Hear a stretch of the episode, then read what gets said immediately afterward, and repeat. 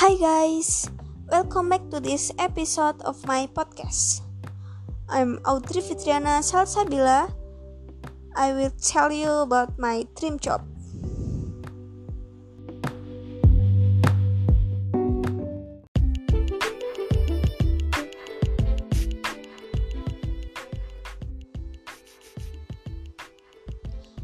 My dream job is to work in a big company in Indonesia, especially in the field of language editors.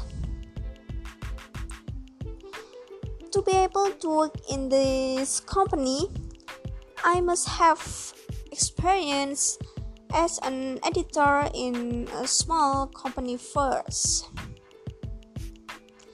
In addition, I also have to continue to learn to understand the language, especially English.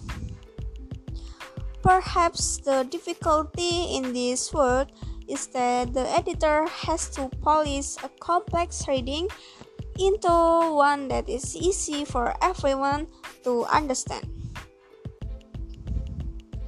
I want to work as an editor because I am quite interested in this job because I like reading books and observing them.